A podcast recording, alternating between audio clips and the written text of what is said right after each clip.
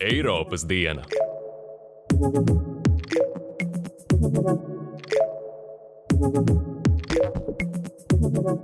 Sveicināti Eiropas dienā! Es esmu Monika Cālīte. Šajā epizodē padziļināti pievērsīsimies divām ar Eiropas Savienību saistītām tēmām. Covid-19 pandēmija ieviesa būtiskas izmaiņas mūsu ikdienā, liekot iestādēm un uzņēmumiem visā pasaulē apgūt un ieviest pavisam jaunus veidus, kā ikdienā organizēt savu darbu. Izņēmums nebija arī Eiropas parlaments un citas Eiropas Savienības institūcijas.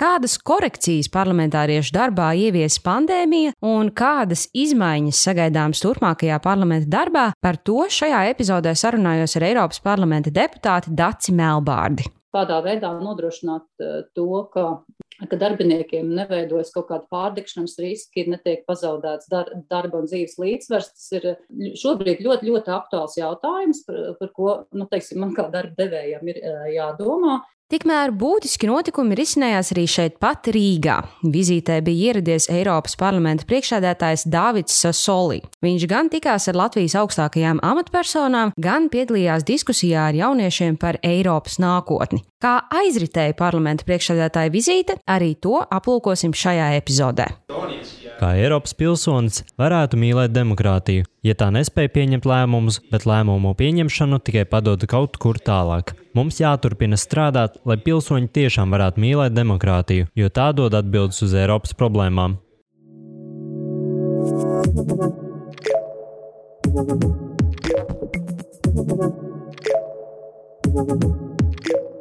Pirms iedziļināšanās šajās tēmās aplūkosim dažas no šī brīža Eiropas aktualitātēm.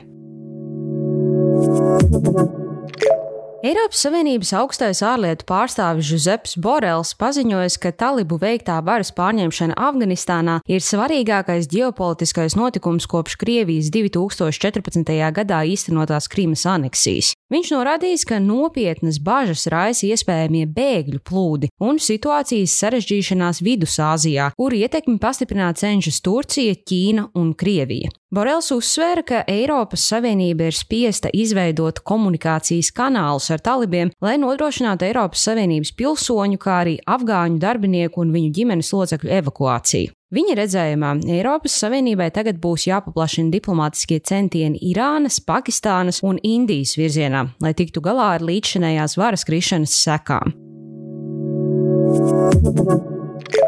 Viesojoties Latvijas kaimiņu valstī Viļņā, Eiropas parlamenta priekšsēdētājs Dāvids Sasolī norādījis, ka Baltkrievijas autoritārais līderis Aleksandrs Lukašenko izmanto migrantus kā politiskā spiediena ieroci. Sasoli uzsvērs, ka Lietuvas un Baltkrievijas robeža vienlaikus ir arī Eiropas Savienības ārējā robeža, un ir vajadzīga rīcība un resursi, lai aizsargātu Eiropas telpu. Līdz ar to gan Eiropas parlaments, gan citas Eiropas Savienības institūcijas spērs attiecīgus soļus, lai to nodrošinātu.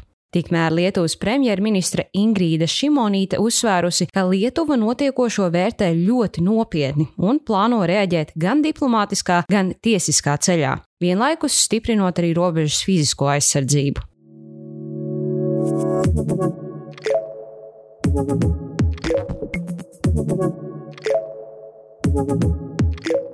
Covid-19 pandēmija ieviesa būtiskas izmaiņas mūsu ikdienā. Atrašanos birojā nomainīja attālinātas sapulces no viesistabas, guļamistabas vai kādas citas telpas mājās, kurai bija jāpārtop par vietu darbam. Zoom revolūcija, jeb krasā negaidītā pāreja no fiziskas uz tiešsaistes darba vidi, mudināja iestādes un uzņēmumus visā pasaulē apgūt un ieviest pavisam jaunus veidus, kā ikdienā organizēt darbu. Izņēmums nebija arī Eiropas parlaments un citas Eiropas Savienības institūcijas.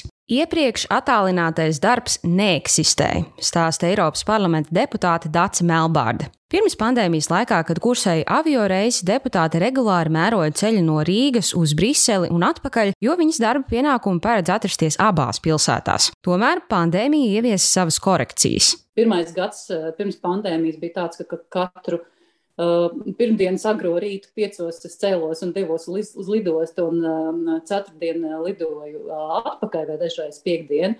Tad pagājušais gads bija tāds, ka, nu, kad vairāk šie lidojumi tika sagrupēti, kad ilgāku laiku atrados Briselē, teiksim, nu, teiksim, mēnesi vai divus, un pēc tam uh, lidoju uz Latviju un atkal atrados, piemēram, trīs nedēļas uh, Latvijā un, un darīju tur darbus. Tā kā tas bija citādāk, tas darbs bija organizēts. Uh, bet uh, tik līdz lidojumi bija biežāk, tad varēja arī uh, biežāk plānot lidojumus uz Latviju.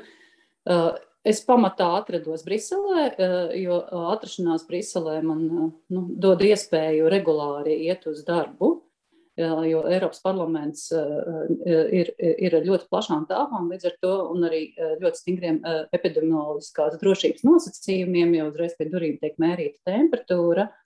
Tāpēc man bija iespēja iet uz darbu katru dienu. Un, un, un tas tomēr saglabā tādu darba disciplīnu un, un, un, un tā sajūta, ka tu tomēr doties uz darbu, nesi darbā ļoti labi mobilizē. Melbārda stāsta, ka attīstoties pandēmijai, Eiropas parlaments operatīvi organizējas pāriešanu uz darbu attālināti. Tomēr tam ir arī savas ēnas puses. Piemēram, nevar noteikt, cik pilnvērtīgi deputāti ir pievērsušies savam darbam. Pirms pandēmijas balsošanai plenārsēdēs bija nepieciešama fiziska klātbūtne sēžu zālē, taču, pielāgojoties ierobežojumiem, parlaments izstrādāja attālinātas balsošanas sistēmu, rūpējoties par to, lai tā būtu gan droša ar iebūvētiem pārbaudas mehānismiem, gan efektīva. Arī komiteju darbs tika pielāgots, un sanāksmes norisinājās video konferenču vai hibrīdā formātā. Tulkošana un balsošana komitejās tika saglabāta. Tāpat arī Eiropas parlamenta septiņas politiskās grupas un pārvaldības struktūras, piemēram, priekšsēdētāja konference, organizēja darbu attālināti. Eiropas parlamenta priekšādātājs Dārvids Solī jau aprīlī izveidoja piecas darba grupas, kur uzdevums ir izstrādāt, kā parlamenta darbs tiks organizēts turpmāk, pandēmijas ierobežojumiem mīkstinoties. Plānots, ka septembrī darbu klātienē varētu atsākt puse no Eiropas parlamenta darbiniekiem. Pēc politiskās žurnālistikas tiešsaistes medijam politiko pieejamās informācijas jaunās vadlīnijas paredz, ka darbinieki klātienē pavadīs vismaz 40% jeb divas dienas no darba nedēļas. Vismaz 20% jeb vienu dienu strādājot no mājām. Savukārt par to, kā darbs tiks organizēts atlikušajās divās darba dienās, katram darbiniekam jāvienojas individuāli ar savu tiešo vadītāju. Paredzēts, ka pēc vadītāja lēmuma var būt konkrētas nedēļas dienas, kad klātienē jābūt visai komandai. Melbārda uzsver, ka attālināts darbs vadītājiem uzliek papildu atbildību darbinieku priekšā, jārūpējas par darba un privātās dzīves līdzsvaru, lai nepiedzīvotu izdegšanu. Pandēmijas attālinātais darbs ir pierādījis un parādījis arī savas uh, stiprās puses, bet uh, nešaubīgi tur ir arī uh, savi mīnusi, kur ir jāņem vērā tajā brīdī, kad tiek organizēts uh, darbs ar darbiniekiem. Jo viena līnija ir, kā mēs organizējam pašu parlamentu un deputātu darbu, Eh, komitejās, plenārsēdēs, darba grupās, bet otra līnija nešaubīgi ir, kā notiek darbs ar eh, Eiropas parlamenta sekretariātu un kā katrs deputāts strādā ar saviem darbiniekiem. Eh, un kādā veidā nepazaudēt komandas sajūtu, kā nesapīties komunikācijas šķēršļos, tas ir, nu, protams, katra deputāta atbildība šeit. Un kādā veidā nodrošināt to, ka mm, ka darbiniekiem neveidojas kaut kāda pārdekšanas riski, netiek pazaudēts dar, darba un dzīves līdzsvars. Tas ir eh, šobrīd ļoti, ļoti aktuāls jautājums, par, par ko nu, teiksim, man kā darba devējam ir eh, jādomā. Un, un, un, un ne, ne jau velti eh, šis darba dzīves līdzsvar jautājums un arī šis jaunais, kā teikt, formulējums, kas runā par tiesībām atslēgties no interneta. Tas arī ir bijis, šī debata ir, ir bijusi jau parlamenta dienas kārtībā, kad tiesības atslēgties no, no, no, no, no, no, no online kā viena no cilvēku pamatiesībām. Līdz šim mēs nekad neko tādu neesam diskutējuši. Tas nozīmē, ka tā patiesi ir problēma, jo elastīgāks darba laiks līdz ar to nu, rada tādu sajūtu, ka es visu laiku esmu pieejams, ka man visu laiku ir kaut kur jāpieslēdzās darbiniekam. Līdz ar to katram darba devējam ir jāizrunā ar savu komandu, nu, kādā veidā mēs šo darbu organizēsim, lai neradītu darbiniekiem sajūtu, ka, nu, ka viņiem ir jābūt sasniedzamiem 24 stundas uh, diennaktī. Uh, nu, šis, šis patiešām ir uh, aktuāls jautājums. Balstoties uz politiko pieejamo informāciju, dienās, kad darbinieki strādās attālināti, viņi nedrīkstēs atrasties pārāk tālu no savas darba vietas, lai nepieciešamības gadījumā varētu operatīvi ierasties klātienē. Desmit dienas gadā darbiniekiem būs atļauts strādāt attālināti, neatrodoties rokas stiepienā attālumā no parlamenta. Pie īpašiem apstākļiem darbinieki var lūgt atļauju, kas paredz attālinātu strādāšanu no ārzemēm viena mēneša garumā. Tomēr, ja viņu klātbūtne steidzami nepieciešama birojā, viņiem jāspēj atgriezties 48 stundu laikā. Lai gan oficiāli šie priekšlikumi vēl nav apstiprināti un ieviesti, viedokļi par to, kā būtu jāorganizē parlamentu un Eiropas komisijas darbs, krasi atšķiras. Eiropas komisijas pārstāvis Kristiāns Sebastiānī norādījis, ka strādāšana attālināti ir dāvana, kas pienāks tikai tiem, kuri to ir pelnījuši. Viņš arī atzinis, ka ierosinājumi par to, kā turpmāk organizēt Eiropas Savienības institūciju darbu, raisījuši karstas domstarpības un acīm redzamu plaisu starp tradicionālā un jaunā virziena atbalstītājiem. Pēc viņa sacītā, piemēram, Eiropas komisijas ģenerāldirektora cilvēku resursu jautājumos Gertrūda Ingestāda ir pret attālinātu darbu, jo tas nozīmē kontrolas un vadības zaudēšanu pār darbiniekiem. Tikmēr starp viņas oponentiem ir Eiropas Savienības budžeta un administrācijas komisārs Johannes Hāns, kurš atbalsta darba kultūru, kas balstīta uz uzticību un rezultātu novērtēšanu, nevis kontroli. Vaicāju Dacei Melbārdei, kā viņa komentē šīs viedokļu atšķirības un kuras puses nostāja viņas prāt izrādītos veiksmīgāk. Ja pastāv diskusija par to, kā pasaudēt kontroli, tad ir jāvaicā drīzāk, kurā brīdī ir pieļautas kļūdas, pieņemot uh, cilvēkus darbā, kuriem mēs nevaram uzticēties. Eiropas parlamenta darba specifikai jau iepriekš vairāk kārt pievērsta uzmanība. Oficiālā parlamenta darba vieta un vairākuma plenāra sesiju norises vieta ir Strasbūra. Parlamenta komitejas tiekas Briselē un parlamenta sekretariāts oficiāli strādā Luksemburgā, kas deputātiem paredz ievērojumu ceļošanu. Dārgu gan laika patēriņu, gan finansiālā izteiksmē. Pirms vairākiem gadiem veiktā pētījumā aprēķināts, ja parlamenta darbības tiktu pārceltas no Strasbūras uz Briseli, būtu iespējams ietaupīt 103 miljonus eiro gadā pēc 2014. gada cenām, kas pēdējo septiņu gadu laikā kāpušas. Kopējie izdevumi saistībā ar Strasbūras darba vietu sasniedz 109 miljonus eiro gadā. Turklāt vēl vismaz 5 miljonu izmaksas rada ceļa izdevumi. Melbārda norāda, ka pandēmijas apstākļos jautājums par Strasbūru ir visdiskutablākais, jo deputāti, kas turp dodas, tāpat tiekas ārpus parlamenta, ārā kafejnīcās, un notiekošais drīzāk atgādina nodevu maksāšanu Francijai. Diskutablos apstākļos, jo tāpēc, ka plenārsēdēs reāli uh, tikšanās nenotiek, Tas nozīmē, ka uh, visi uh, nu, tie, kas dodas vai izvēlas doties, jo tas nav obligāti, šī divas sesijas nav bijušas obligāti Strasbūrā, faktiski uh, dodas uz turieni un tie, kas uh, visbiežāk ārpusē, uh, kaut kur kafejnīcās ārā uh, vai uh, nelielā sastāvā uh, uh, nu, nu, atsevišķās darba telpās, un plenārsēdē atrodas tikai tie, kas piedalās debatēs.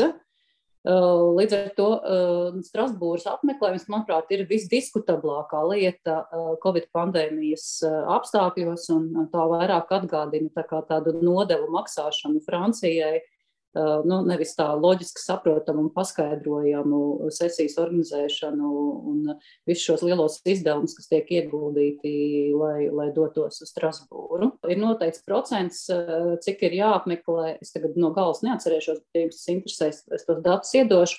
Uh, lai, lai deputāts uh, nu, pilntiesīgi skaitītos, ka ir darbā. Uh, savukārt, uh, komitejas darba grupas tas ir jau ir lielā mērā atkarīgs no paša deputāta darba organizācijas uh, attieksme pret darbu un arī tāds pašdisciplīns. Protams, ka aktīvākie deputāti, kas regulāri piedalās debatēs, komitejās, nu, visu laiku apmeklē komiteju sēžu, ņemot vērā to, ka es esmu koordinātori un viceprezidenta kultūras komitejā, tad es apmeklēju visas komitejas sēdes. Tas pats man ir arī speciālajā komitejā specializētajā komitejā par eh, trešo valstu iejaukšanos un dezinformācijas. Esmu tur viceprezidente un arī koordinātora vietniece. Līdz ar to es eh, vairāk vai mazāk arī apmeklēju eh, ši, ši, šo komitejas darbu. Bet ir deputāti, kas ir varbūt tādās pasīvākās pozīcijās, un, un, un, un tad īsti nevar saprast, vai, vai, vai vai un kā viņi šajos pandēmijas apstākļos attālinātajā režīmā pievienojas komitejas darbām. Melbārdas pāraudzībā pastāvīgi ir pieci darbinieki - trīs Briselē un divi Latvijā. Tiem klāt nāk vēl citi, kā piemēram grāmatvedis vai arī praktikanti, kuri komandā pavada pusgadu. Pandēmijas dēļ viņiem visiem klātienē satikties šogad sanāca tikai vienu reizi. Novērots, ka darbs tiešsaistē rada augstu atstumtības sajūtas un atsvešināšanās risku. Melbārda pati kā vadītāja uzskata, ka klātienes tikšanās ir efektīvākais veids, kā komunicēt un organizēt darbu. Mans sentiments pieprasa to, ka es eju uz darbu, jo tas man disciplinē, eh, un, un tas man ļauj pirmkārt arī mājas sajūtu saglabāt un nepārvērst eh, māju par, eh, par darba ofisu ar darba papīriem un, un, un, un, un datoriem, jo es jau arī vienu pati tajā mājā tikai nedzīvoju. Ja? Tā kā, nu, man liekas, ka ir ļoti svarīgi, ka mēs runājam tiešām nākotnē par tādu hibrīdu pieeju, kur katrs cilvēks eh, izvērtē eh, savam raksturam, savām dzīves apstākļiem, savai ģimenei, saviem darbiniekiem atbilstošāko, atbilstošāko modeli. Ir ļoti svarīgi arī, man liekas, šos jautājumus izrunāt reāli ar darbiniekiem, arī atrast viņiem labāko veidu. Jo man ir nu, teiksim, darbinieki, kuri, kuri saka, ka viņi nevar mājās strādāt, viņiem, piemēram, ir mazi bērni, viņi, viņi, viņi, iet, viņi grib vēlas iet uz darbu katru dienu. Ir darbinieki, kuriem tieši pretēji, ka viņi labprāt vienreiz nedēļā iet. Ja? Ir, ir ļoti svarīgi iz, izlīdzsvarot pa, pa vidu un, un saprast, ka cilvēki ir ļoti, ļoti dažādi un ļaut viņiem izdarīt secinājumus, nu, kas, kurš ir tas veids, kas viņiem ļauj uh, Eh, būt eh, visproduktīvākiem. Un eh, bez uz, uzticēšanās vispār šis process nākotnē nav iespējams.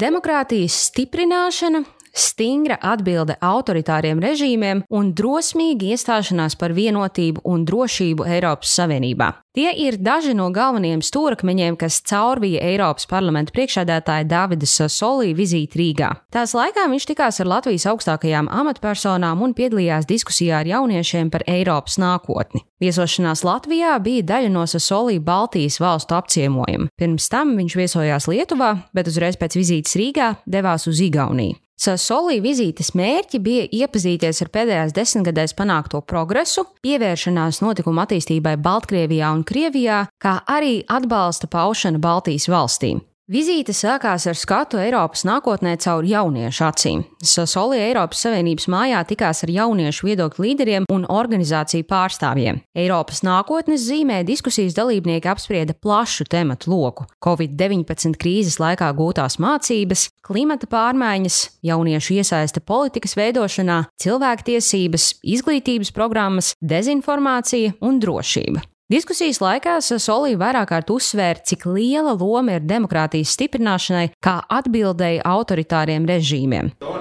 Kā Eiropas pilsonis varētu mīlēt demokrātiju, ja tā nespēja pieņemt lēmumus, bet lēmumu pieņemšanu tikai padod kaut kur tālāk. Mums jāturpina strādāt, lai pilsoņi tiešām varētu mīlēt demokrātiju, jo tā dod atbildes uz Eiropas problēmām. Tāpat viena no tēmām, kas caurvīja visu vizīti, bija drošība un situācija uz robežas ar Baltkrieviju. Sasolī vairāk kārt uzsvēra, ka Eiropas Savienībai ir jāpastiprina palīdzība Baltijas valstīm. Migrācijas plūsmas tikai pastiprināsies ne tikai Eiropas dienvidos, bet arī ziemeļos. Mēs redzam, kādi neprasti notikumi notika Baltijas valstīs. Mēs nevaram atļauties neveidot kopīgu imigrācijas politiku. Esmu pārliecināts, ka vēl viena fundamentāla nepieciešamība ir, ka Eiropa sevi parāda, izpauž ar lielāku drosmi starptautiskā mērogā, ka Eiropai tiešām ir reāla ārējā politika.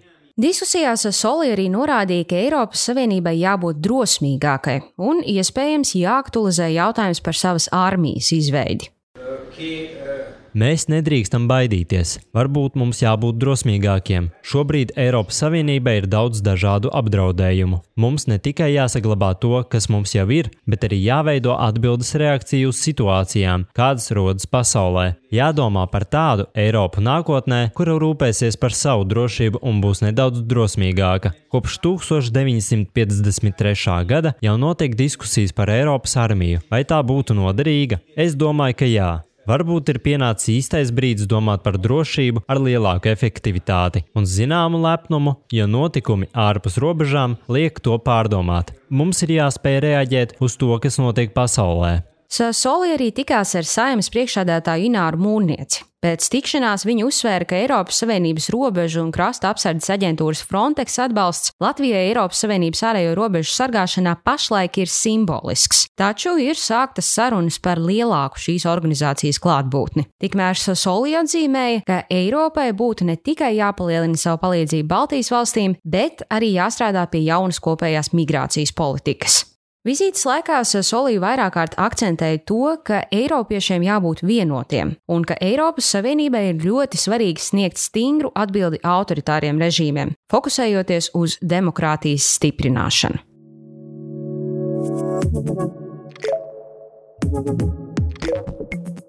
Raidījuma izveidi finansiāli atbalsta Eiropas parlaments. Par raidījumu saturu atbildīgi tikai tā autori, un Eiropas parlaments nav iesaistīts tā sagatavošanā. thank you